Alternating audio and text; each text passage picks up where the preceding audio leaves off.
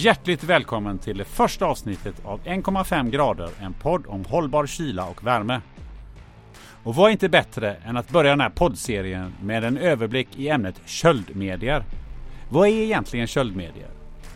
Var står vi i utvecklingen och vilka regler finns? Hur påverkar köldmedier miljön? Vad är GVP? Och inte minst, vilka naturliga alternativ finns egentligen? Ja, det är några av de frågorna som vi kommer behandla i det här avsnittet.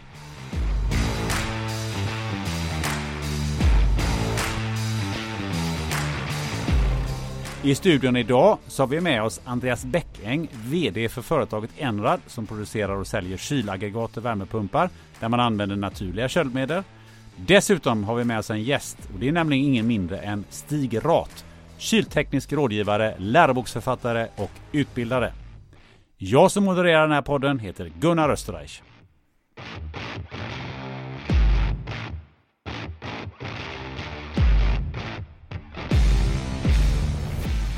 Så vi kittade här för att dra igång. Så jag tänkte börja med dig eh, eh, Andreas. Kort eh, Vad är din bakgrund och hur, hur hamnade du egentligen i den här podden? Hur jag hamnade i podden det vet jag faktiskt inte riktigt. Var din förtjänst Gunnar eller? Ja det var det nog va? Ja, Du var för bra på att sälja in det helt ja, enkelt. är Helt rätt. Ja. Eh, nej, det var väl egentligen rätt. Det har varit tankar om det här kring rätt länge kring att faktiskt köra igång en podd. Eh, det är ett bra sätt att förmedla kunskap på skulle jag säga podd. Eh, du kan eh, lyssna på den i princip vad som helst eh, och eh, det finns väldigt mycket fördelar med just det och det saknas en podd inom det här ämnet som vi då ska eller de här ämnena kring kyla och värme som vi ska prata om. Mm, nej precis, Så jag tycker att, det är ett eh, för, förträffligt val. Det är 1,5 grader heter den ju. Varför, varför heter den så Andreas? Men alltså det är ju för att eh, köldmedel är någonting som många inte riktigt har en koll på vad det är för någonting. Men det har så enormt stor påverkan på, på global uppvärmning. Eh, vi kommer väl att komma in på det här idag då, men eh, det ligger typ bland de tio viktigaste eh, sakerna att göra för att snabbt komma till rätta med den pågående växthuseffekt vi har idag. Precis, och vi kommer att fördjupa oss i olika delar i det här ämnet. Eh, eh, idag så ska vi ju prata om eh, köldmedier eh, på lite eh, övergripande sätt. Och då har vi då Stig Rat som jag sa är kylteknisk rådgivare. Du sitter med i standardiseringsarbete och du är läroboksförfattare och utbildare. Du, det här låter väldigt mycket och väldigt avancerat. Eh, kan du ge oss en lite mer eh, bild på vem, vem du är? Eh, jo, det kan jag göra. Jag jobbar idag som kylteknisk rådgivare i ett firma som heter Multiconsult, som är både i Norge, Sverige och Danmark. Och eh, min bakgrund är att jag är utbildad kyl- och värmepumpingenjör och författare. Och så um, har jag ju jobbat inför en produktion och entreprenör Eh, med alle typer kjøremedier, både i Norge og hele verden, egentlig. På skjepp og offshore. Så derfor så syns jeg, og jeg syns det er et veldig spennende fag, så dermed så har jeg veldig, vært borti veldig mye forskjellig. Ja, det här ska bli väldigt intressant. Eh, Jag som leder den här podden, om ni undrar det, heter Gunnar Österreich.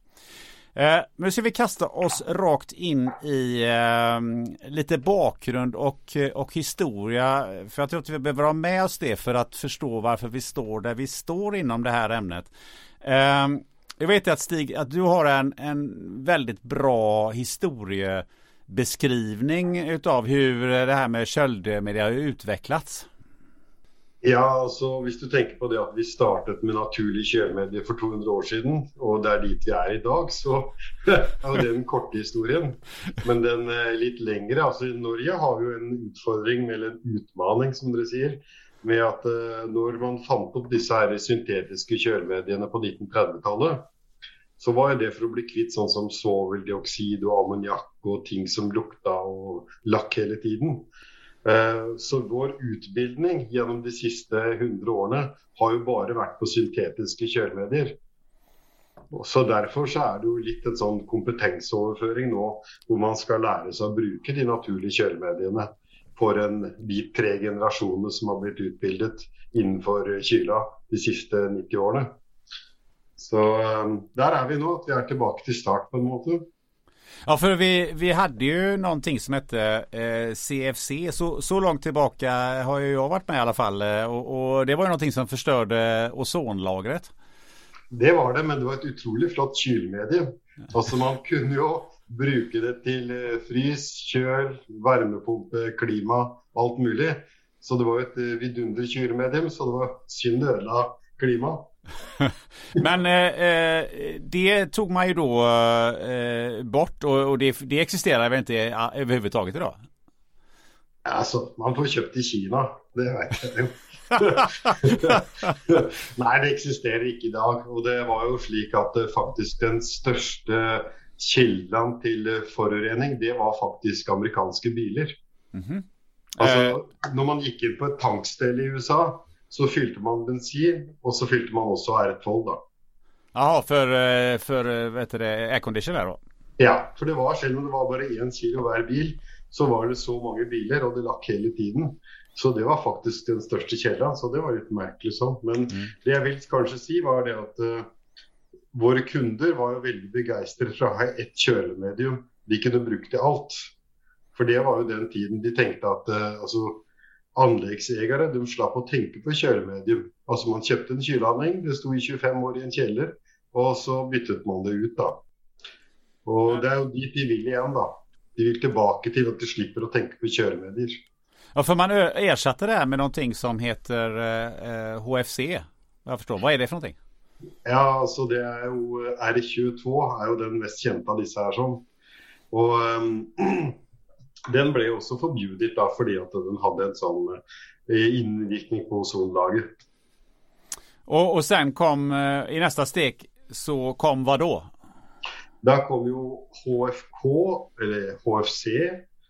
Och um, ja, der har man jo altså Jeg tror man sier at man kan lage 100 000 varianter av sånn HFC.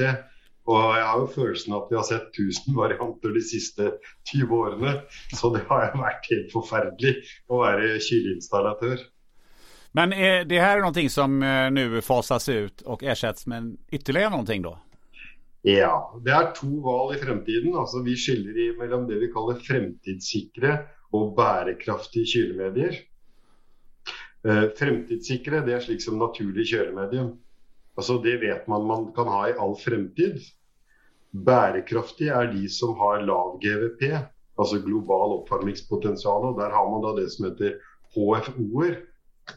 Men de lever jo veldig spennende nå for tiden i forbindelse med det som kalles REACH, eller EUs kjemikalieregelverk. Fordi det er jo fem länder som eh, sier at man må kanskje ha restriksjoner på en del av disse.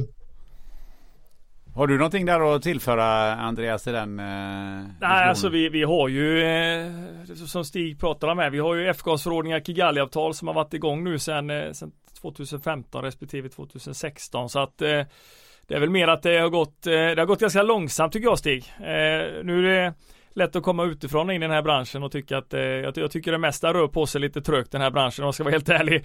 Så att eh, det, det, känns som att de eh, regelverk som man, eller regelverk, de utfasningsförsök man gör här har väl gått eh, lite smått trögt och sen tycker jag väl också det eh, när vi pratar GVP-värden då eh, Stig här eftersom F-gasförordningen och Kigali-avtalet mycket bygger på att vi får för höga CO2-ekvivalenter så Eh, kan jag tycka att eh, när man räknar på det här med GVP-värde då som står för Global Warming Potential så är det ju det här med att man eh, tittar på 100 års sikt och där kommer ju även HFO köldmedierna in så att säga och tittar man på 20 år som kanske är mer rimligt då vad vi pratar om global uppvärmning och att vi ska vara skynda på 20-30 år då får vi ju liksom helt andra siffror på, på HFO också som ska ersätta de florerande köldmedierna. Och de blir ju, de blir ju ganska höga där, Stig.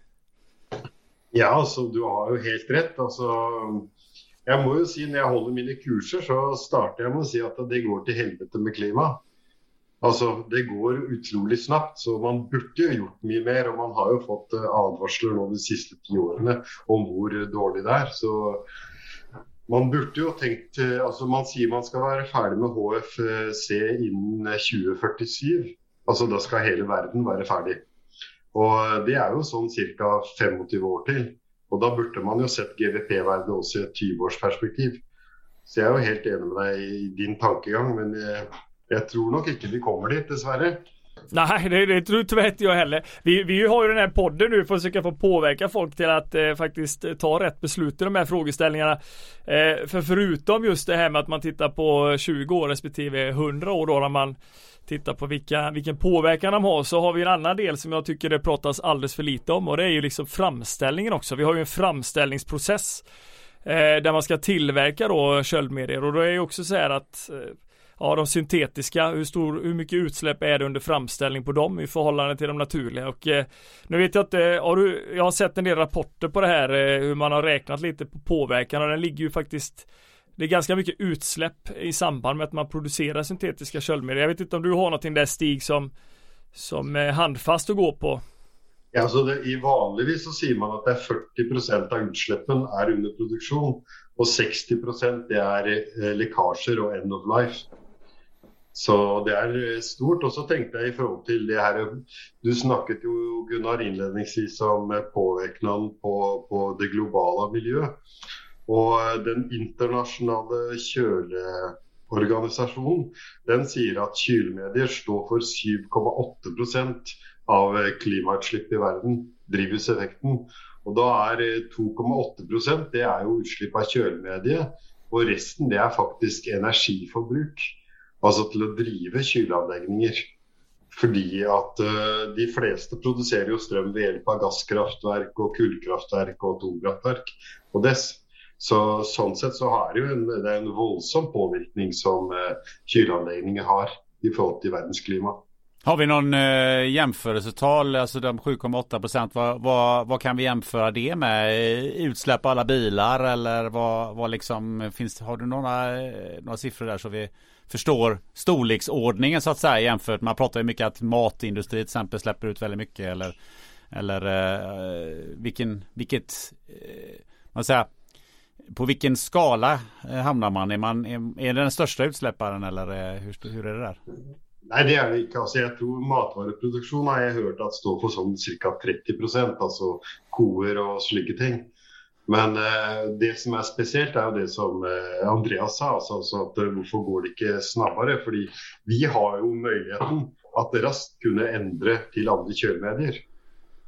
Altså, jo, det er jo Grunnen til at det for så vidt har gått ganske raskt med kjølebransjen, er jo det at vi kan gå direkte over til eh, klimavennlige kjølemedier med lavt energiforbruk. Det kommer någonting, någon uppdatering i F-gasförordningen eh, i april, eh, maj. Vad, vad kommer den att innebära troligtvis? Tror Stig har nog mer koll på den. Ja, det, det är ju bara ryktesvägar än. Och jag vill inte sprida massa eh, illavarslande rykten här även om jag tycker att det har varit bra att göra det. För vi behöver ju liksom eh, hota lite grann med att man eh, att det kommer faktiskt att tuffa till sig lite. Men, men jag tolkar ju det ändå som att man gör en uppdatering på grund av att det går eh, för långsamt helt enkelt Stig. Jag vet inte vad du du, du sitter ju närmare den där världen där man tar de här besluten än vad jag gör. Ja, så ja, 2022 blir ett oerhört spännande år. Altså, vi har F-gassregelverket på den ena sidan och så har vi da kjemikalieregelverket på den andra sidan. Og Hvis vi tar det med F-gassen, altså jeg er ganske sikker på det att uh, eh, vi kommer til å se på, på sånne små varmepumper under 12 kW at uh, der blir GVP-grensen satt till 150. Det vill säga att R32 kommer til å fases ut, och så blir det da propan eller propen isteden. Det, det er man nok helt sikker på. Også over 12 kW så får man lov å bruke R32 et eh, fall enda. Og så eh, tenker jeg vel at 410A og 407C lever veldig farlig. De har jo GVP-verdet opp mot 2088. Och när man tänker att EU vill ner på under 150 så eh, börjar det bli en lång avstånd. Nu sa du några förkortningar där eh, Stig. Vad, vad, vad innebär det för de som inte förstår dem? Ja, det skönjer jag. Alltså, värmepumpmedie som vi har haft fram till nu i ventilation och i små värmepumpar är ju ett som heter R410A.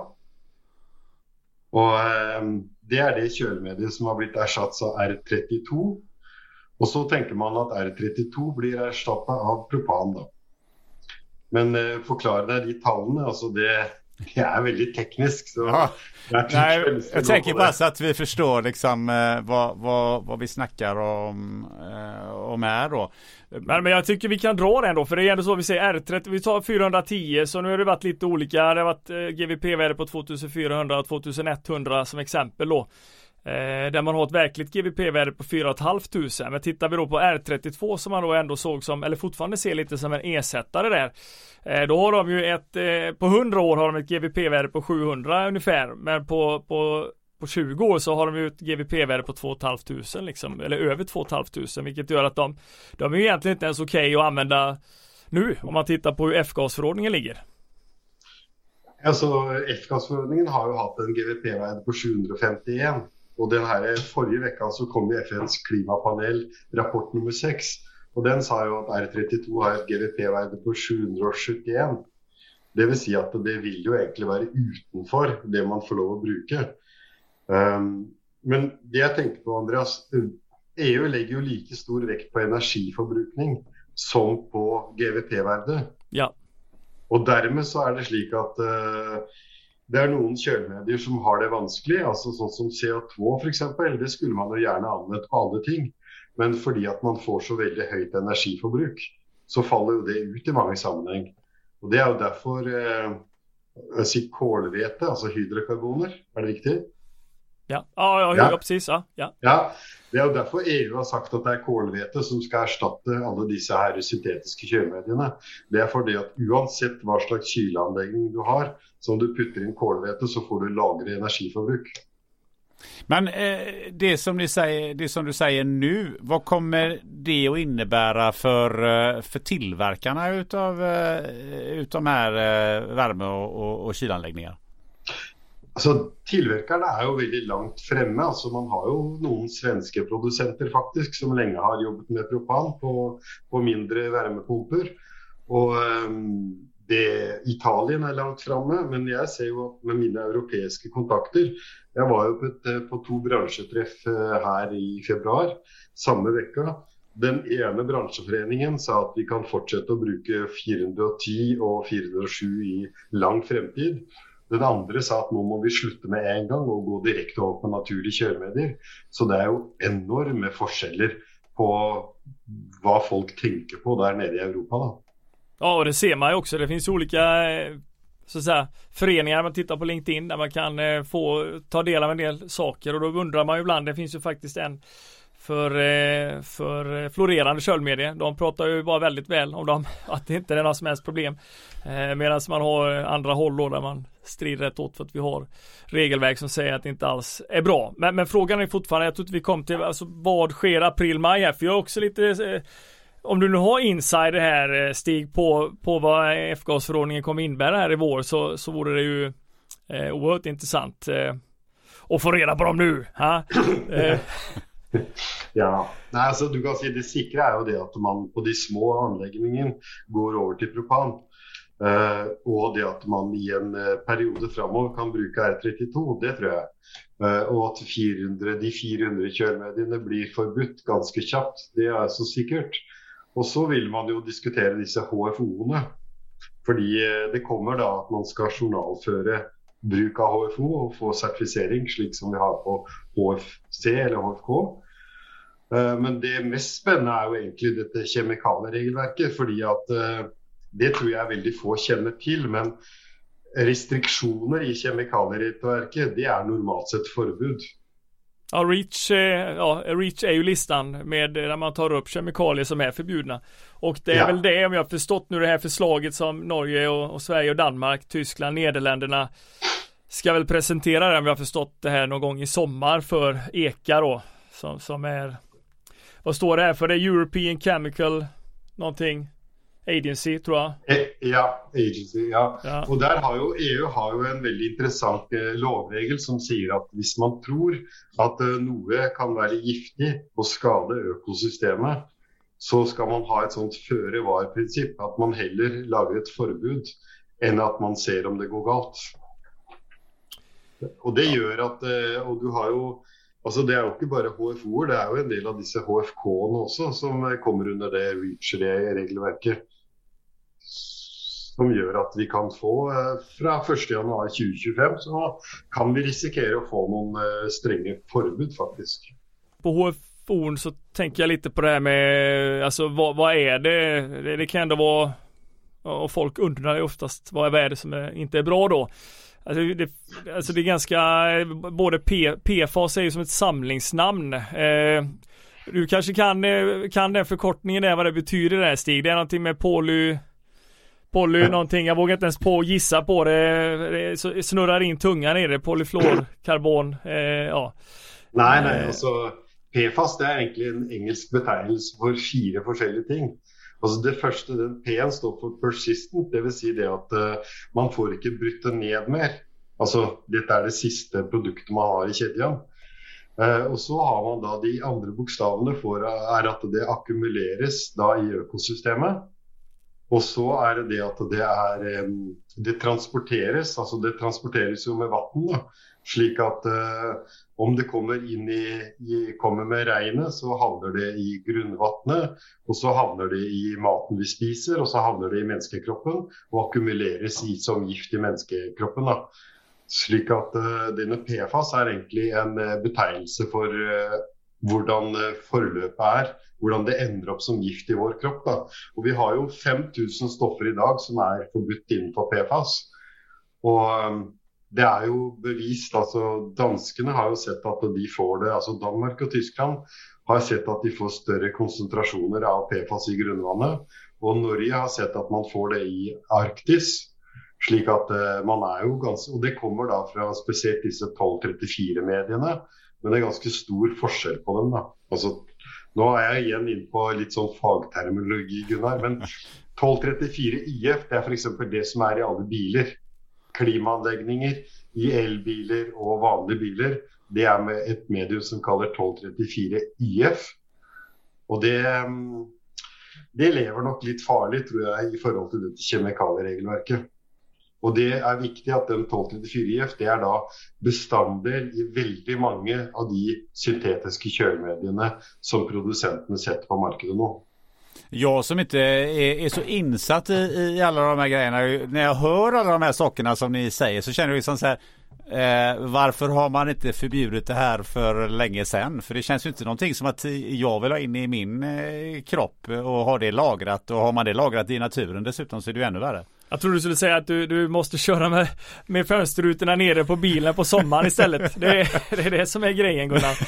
Ja. Ja, altså En ting jeg gjerne vil si, er at når jeg blir spurt som rådgivere, så sier jeg det at det, eh, det er veldig stor forskjell på disse HFO-ene. Altså, det, det, norske miljøvårdsverket de er ensidig negative til alt som har med syntetiske kjølemedier. Og det må jeg si at det der skal man kanskje avvakte litt, fordi det er stor forskjell. Noen av de er helt klart ikke veldig bra. Men noen av dem er faktisk veldig gode kjølemedier. Og det kan hende at de heller ikke er så skadelige for klimaet. Og vi vil i løpet av sommeren 2022 få en veldig tydelig pekepinn på i hvilken retning det går. Så, så i Norge så er det sånn at uh, våre kunder de velger mellom det som vi kaller 1234 ZD eller naturlige kjølemedier. Men det är så, alltså Norge ligger ju ändå ganska, jag skulle nog säga att ändå ligger längst fram i det arbetet. Stig, det, tittar man även forskningsmässigt så är det ju mycket, mycket kommer ju från Norge och det kommer även, ja, även från Tyskland kommer också en hel del på just eh, HFO-sidan. Men, men att man ligger långt fram, det, det märks ju även på andra delar liksom, men jag har beskattning av av eh, köldmedier på ett annat sätt än många andra länder har till exempel eh, staten driver kanske lite annan typ av offentlig upphandling och liknande, vilket, vilket jag tycker egentligen är viktigt i alla länder. Om man ska påskynda någonting så är det alltid de som köper in som har möjlighet att påverka och det är staten också stora köpare så att där har Norge kommit betydligt längre än många andra länder, det får men, man ju säga. Men då, eftersom det, det här är en svensk podd i första hand, hur, hur, hur ser det ut i Sverige? Har du någon koll på det?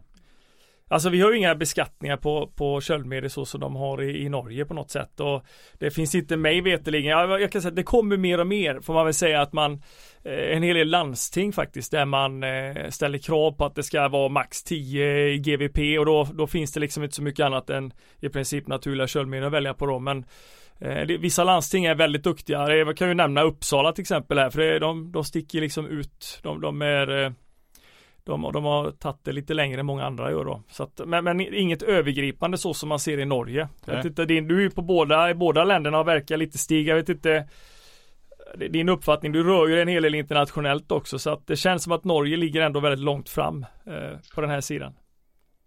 Ja, det, det, alltså, det land i Europa som jag känner som är längst fram, det är Nederland. Då.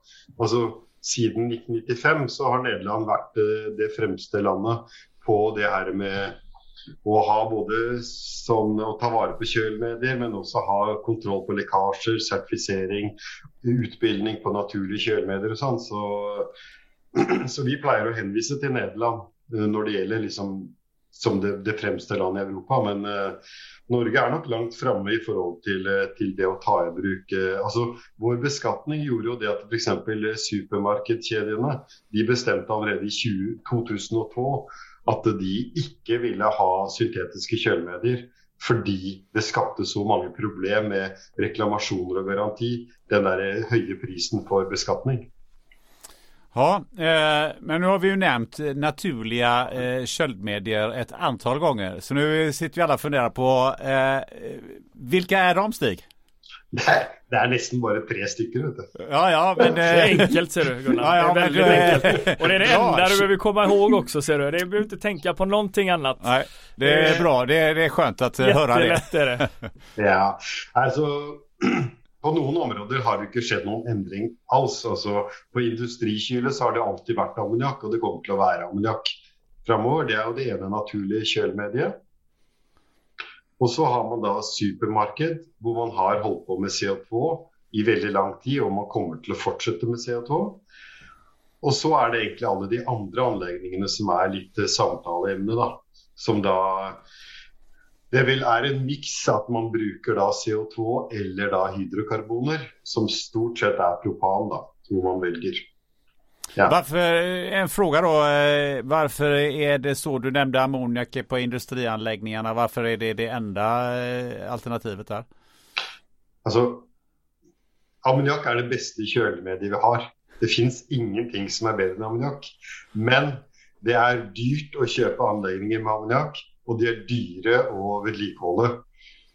Så, eh, men de ger en super energieffektivitet och de är väldigt pålitliga och för de luktar förfärligt så är de alltid täta.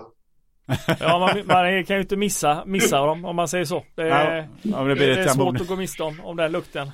Men eh, då ställer jag ju frågan, varför är det så dyrt med ammoniak? Det är för att de anläggningarna de måste vara i stål.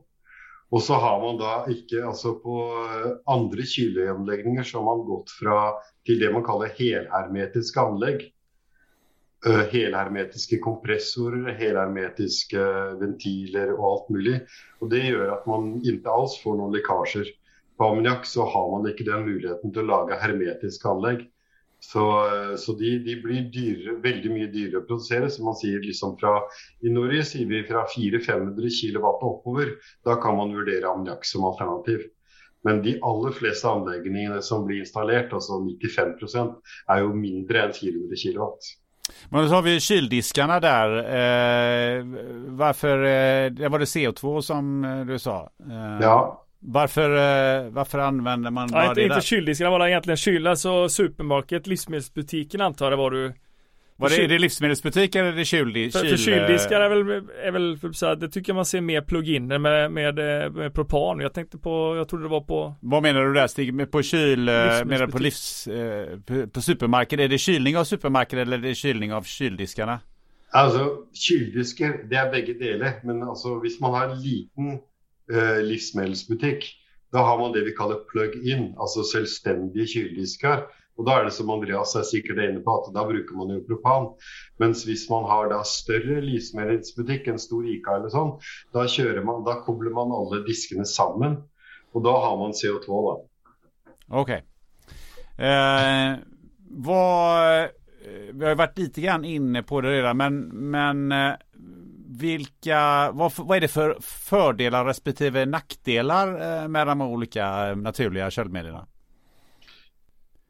Det är ju som jag säger, altså det här med energieffektivitet är ju det som ger en väldigt stark föring.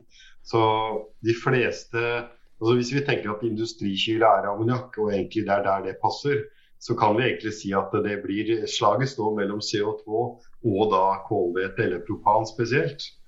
Och um, där är eh, ju, vi brukar ju då gärna, Altså CO2-anlegg de blir gärna tre till fyra gånger dyrare än propananlegg om vi snakker om små anlegg.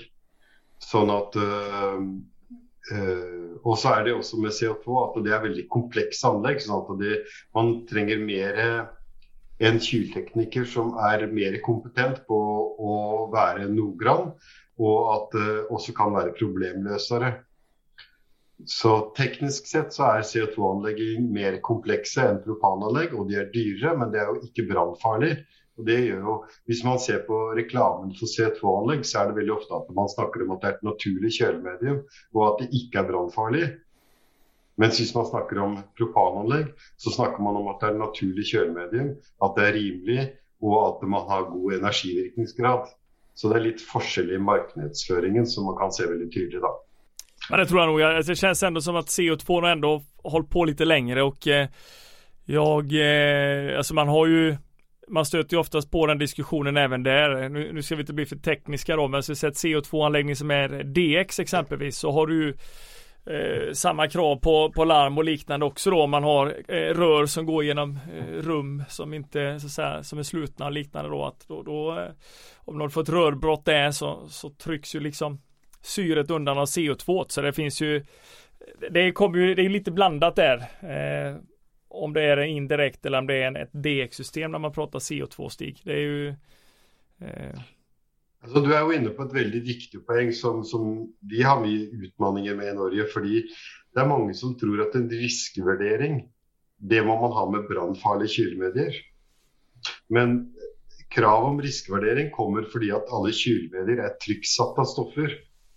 Och fordi det är trycksatt så är det ett farligt stoff. Så riskvärdering er noe man skulle hatt på alla HFC og HFO og CO2 och ammoniak. Alltså alla kylmedier behöver en riskvärdering. De eneste man inte trenger riskvärdering på, det er disse små anläggningarna som vi kallar god ingeniørpraksis, alltså kylskap, frysebokser och slike ting. Og um, mm, man, I Norge har vi haft flera dödsolyckor med HFC än med ammoniak och propan, och det är för att uh, disse HFC-ene fortrenger oksygen. Ja. Slik at uh, man merker ikke at man går i et rom med en stor lekkasje. Så, så man har nok undervurdert faren med kylmedier i veldig lang tid. Og myndighetene har ikke hatt, I Norge har myndighetene ikke hatt noen oppfølging på noen andre kylmedier enn ammoniakk, faktisk. Men eh, jag har ju hört då att eh, propar då ska vara extremt eh, brandfarligt och att, man, eh, att det finns många som säger att eh, ja, men, eh, det ska man inte använda för det är för farligt. Ja, och där tänker jag det att eh, i, i, nu känner ju inte jag, alltså, man kallar ju det gasol, gör man inte det i Sverige? Ja, man kan säga att det är ju, så här, propan är väl en renare form. Propan och propylen är en renare form av gasol, så att det är ju inte, det är samma, ja. samma grund. Ja, så, så i Norge så har man lov att ha 23,1 kilo propan inomhus till sin egen komfyr eller brännare, alltså köken. Och man har lov att ha 40 kilo propan i garagen. Den normala fyllnadsmängden på en eh, propankrets är intill 5 kilo. Och jag har ju sett ganska många av mina vänner som har stått med en eh, Bayer, en ölflaska i ena handen och så 10 kilo propan under en gasbrännare och grillat om sommaren. Så jag tror att det som man eh, inte tar med sig i det bildet är att vi snackar om oerhört små mängder propan i förhållande till vad man tillåter privatmänniskor utan kompetens att hålla på med. Och dessutom alltså, i kontrollerad form med va? För vi har ju vissa krav också för när det pratar aggregaten så finns det ju en rad säkerhetsfunktioner också. De har man ju inte på samma sätt när man är privatperson va. Eh, vi, har, ju en firma rakt över gatan där vi, där vi sitter som heter, alltså, ja, Svetskompaniet, kan väl nämna vad de heter, men, men där är det ju väldigt mycket folk att hämta gasoltuber helt enkelt till eh, husvagnar och husbilar och det snackar vi, vi kastar in dem liksom och åker runt i skuffen bak och sådär. Så det är, då är det inte så noga. Ja. Det inte så, ja, så man säger ju inte att det är bra, men det sker ju väldigt få olyckor med dessa här gasolbehållarna som privatmänniskor har med sig hem. Og jeg tenker at uh, altså Det er riktig som du sier, Gunnar, at uh, propan er ekstremt brannfarlig. Men f.eks. så har man jo da bensin som man har kjørt under uh, rumpa med på en bil. 50 liter med bensin. Og bensin er jo også ekstremt brannfarlig, og det brenner faktisk snabbere enn propan. Så det er noe med forholdet mellom risiko og hva man er kjent med. Altså Man er ikke van med at man har propan i kylleanlegninger. Men eh, når när man ser på den eh, beskjedne mängden man har och den stora kompetensen, altså man har en kyltekniker, man har en tillverkare som har laget et sikkert produkt och det står gärna i ett tekniskt rum, så tänker jag det att det är otroligt säkert hur man gör dessa anläggningar. Och då kommer ju den retoriska frågan efter, eh, efter det här samtalet eh, tills nu som vi har haft. Men varför går då inte alla över till att använda de, eh, de vet du, naturliga köldbedjen? Utan varför, varför fortsätter man med sin kemi? Ja, alltså, det är ju mänskligt att vi inte liker förändring. jag, jag är mer konspiratorisk av mig. Jag säger fortfarande att det kemibolagen har för mycket att säga till om här. Vi ska, vi ska köra en Ryssland där och bara stänga av dem ifrån, ifrån tillverkande industrin på kyl och, kyl och värmeanläggningar. Så, så eh, naturligt får det vara. Jag vet inte, finns det någon procentuell siffra på det Stig? Hur, om vi tittar på alla de olika applikationerna vi har eh, inom kyla och värme idag. Jag tänker på naturliga köldmedel borde kunna täcka typ 95 procent av dem eller finns det någon siffra på på, eh, för, för, för mig är det väldigt konstigt. Jag har inte varit med i den här branschen. För alla som, som jobbar inom kyl och värmebranschen har varit här i, känns det som en evighet och man hoppar mellan olika bolag inom branschen. Och jag kan inte förstå det här att man väljer att eh, gå på de här syntetiska köldmedlen. Eh, ja, det är ju flera gånger nu. Det är väl tredje gången, fjärde gången. Eh, varför har man inte valt naturligt liksom? Varför har man inte valt det tidigare? Alltså i Norge har vi bara ett problem eh, när det gäller kylanläggningar och det är ventilation. Altså, vi har ju DX-anläggningar på ventilation. Og det vet jag inte om ni har i Sverige, men altså, Sverige har ju traditionellt varit bättre på indirekte kyla än det vi har varit i Norge. Så, eh, och ventilationsproducenterna är det. Vi har tre ventilationsproducenter i Norge och ingen av dem har løftet en finger de siste 20 åren på produktutveckling.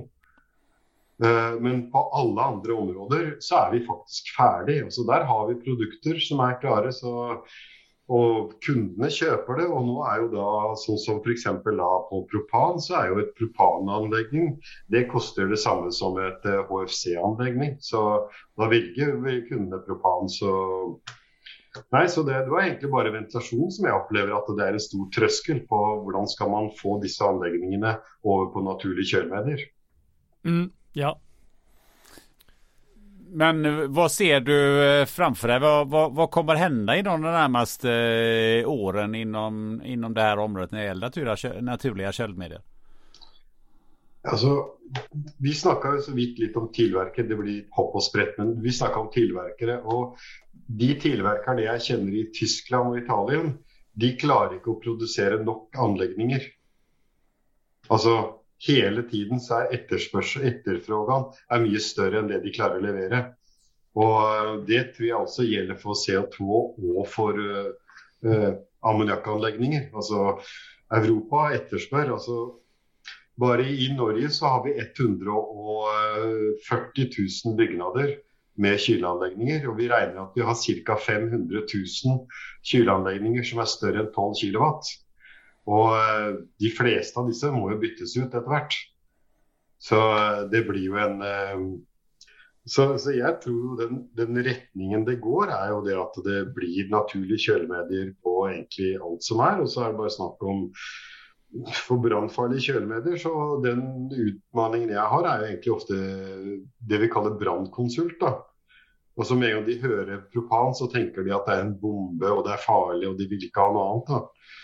Så det, det, det, er veldig mye snakk om uh, utbildning och kompetens. Och en sån podcast som det ni lagar nu är ett fantastiskt bra initiativ, tänker jag. Hur ser du på det i, i Sverige? Vad upplever du i ditt dagliga arbete? Andreas? Ja, alltså, det går ju hela tiden åt rätt håll. Och det har det gjort länge, men det är bara att det går väldigt långsamt. Det man kan se, precis som Stig säger, att produ produktionskapaciteten räcker inte riktigt till. Eh, det kan man ju se på privata marknader framförallt eh, i både Tyskland och England nu så tar man ju initiativ från statligt håll att göra sig fri just från gasen då bland annat. Och det märks ju på mycket komponenter till våra små maskiner idag. Så kan man ju se Vi är ju inte inne på den privata marknaden och jobbar men det är vi pratar ju ledtider på upp till ett år eh, och mer. Eh, på komponenter till just eh, små eh, värmepumpar bland annat då. Och det är ju just att det pågår en, en omställning även där då att man går från gasvärme till att man ska ha en värmepump istället och sen ska vi då dessutom uppe på detta ställa om eh, med köldmedierna då så det är klart att eh, det, det borde ju finnas jobb så det räcker till att bli över eh, framöver. Det är en ja. sak som är säker. Ja, jag kan ju skyta in att Eh, Eh, vi snakker veldig mye om, om, kompetanse og sertifisering. At vi må få til at alle de som jobber med varmepumper og kylteknikere, raskt må lære seg mer om naturlige kjølemedier. Og faktisk mine europeiske kolleger sier det at det er en grunn til at man kanskje ikke kommer til å se så mye CO2 i Mellom-Europa og Syd-Europa, er at der har de mye mindre utbildning enn det vi har i Skandinavien. da. Altså Skandinaviske kylteknikere er jo stort sett har jo en bra allmennutdanning og er ganske flinke til å ta til seg ny kunnskap. Men den utfordringen har de nedover i Syd-Europa, at der rekker det overhodet ikke til med kvalifisert personell. Och då är det mycket enklare att jobba med propan än med CO2. Men man kan ju undra, finns det några som kämpar emot här och som inte vill se en utbredning av de naturliga köldmedierna? Ja men det, det, gör, det måste väl vara kemibolagen igen eller? Eh, någon, någon må ju hålla emot. Jag tänker även det HFO-racet nu att många har ju eh, i samband med F-gasförordningen och Kigali-avtalet så börjar ju alla fundera på vad gör vi next liksom och då har ju ändå många bolag har säkert lagt mycket pengar på på att utveckla sina produkter för HFO vilket innebär att eh, det är klart att eh, skulle man nu besluta eka här eller och det kommer upp på reach-listan det blir ju lite det är lite jobbigt att liksom inte få möjlighet att få tillbaka pengarna på sin utveckling kanske så att eh, det känns ju som att Alltså det är ju en Alltså man snackar ju om, om eh, ja, vapenindustri och andra industrier men alltså det att producera körmedel det är gigantiska förtjänster. Så eh, det är klart jag är inte intresserad i naturliga körmedel i det hela taget. Det tappar du en business som är jättestor. Men eh, når vi snakket om det her med, med utslipp av kjølemedier, altså de store Chemours og Honeywell snakker jo nå om å etablere systemer for å samla samle opp brukt kjølemedium. Som et initiativ til å gå emot den argumentationen att allt sammen går ut i atmosfären. Men det måste man göra ändå. Eh, det är som, eh, om man tar Project Drawdown som organisation då, som har haft som forskar kring det här så tidigare så var ju köldmedel nummer ett då på den här topp 100-listan över eh, vad man ska så att säga göra sin insats för att sänka den globala uppvärmningen. Eh, nu har man ju valt att dela upp den eh, på köldmedelssidan så då har man ju en del som är att eh, nyinstallationer då där man ser att det måste vara naturliga köldmedier och sen har man en del som är just det här med att ta tillvara på det som redan finns där ute. Så att oavsett om, om nu kemibolagen tycker att man ska ta hand om det som redan finns där så är det ju redan med på listan to do. Alltså det måste göras vare sig de vill eller inte. För det ska inte ut i atmosfären så att jag kommer inte ihåg, vi har någon siffra på eh, refrigerant management. Jag tror det är 60 typ gigaton. Ja, det är sådana enorma mängder. Och så hade man då naturliga köldmedier då istället för, för allt annat som ligger kanske då på en 45. Så att det, det, det är ena enorma eh, utsläpp. Så att eh, oavsett om kemibranschen vill göra det eller inte så måste någon eh, ta hand om det som finns där ute. Men eh, den här eh, podden riktar sig ju mycket till, till eh, konsulter och till, även till, till fastighetsägare och, och, och som sitter på inköp här. Hur, vad skulle du vilja säga liksom här, hur, som konsult, hur ska man, hur ska man tänka framöver skulle du vilja säga Stig? Alltså, jag tänker det är väldigt viktigt att som konsult att man inte börjar med körmedie, men att man börjar med vad slags anläggning ska man ha Altså hvilket føremål har det anläggningen, og hvor skal det brukes? Og hvor skal det stå? Skal det stå inomhus? Skal det stå utomhus? Hvor viktig er det ved å spare energi? Och så tänker jag att den sista beslutet man tar är vilket kölmedium man ska ha. For eh, dessverre, jeg er ikke veldig glad i hva som har skjedd i Norge, hvor at vi har en veldig sterk polarisering Eh, av kjølemedier, slik at noen skal bare levere CO2, noen skal bare ha propan, noen skal bare ha ammoniakk, og noen skal bare ha HVO. Og det gjør at vi har en, vi har en ganske dum diskusjon mange ganger i Norge. Fordi at det blir snakk om kjølemedie, og ikke føremålet, altså hva man skal ha det til. Jeg vet ikke hva du sier, Andreas? Ja. Ja, den är ju likadan i, i Sverige också. Det är ju väldigt polariserat mellan eh, vad man väljer på den här, framförallt då på den naturliga sidan. Eh, men det är ju också någonting som man ser börjar förändras lite grann här. Vi har vissa konsultföretag som, som eh, hör av sig där man idag gör precis det du säger Stig. Man har tillsatt eh, lite små grupper som ska jobba just med det här att vad, liksom, vad är det för en applikation, vad är bäst? Eh, och vi upplever ju bland annat det här med energikrav, det, alltså det ställs för lite krav eh, ifrån de som eh, ritar in grejerna. Så du ska ju kunna visa att du faktiskt uppfyller energikraven.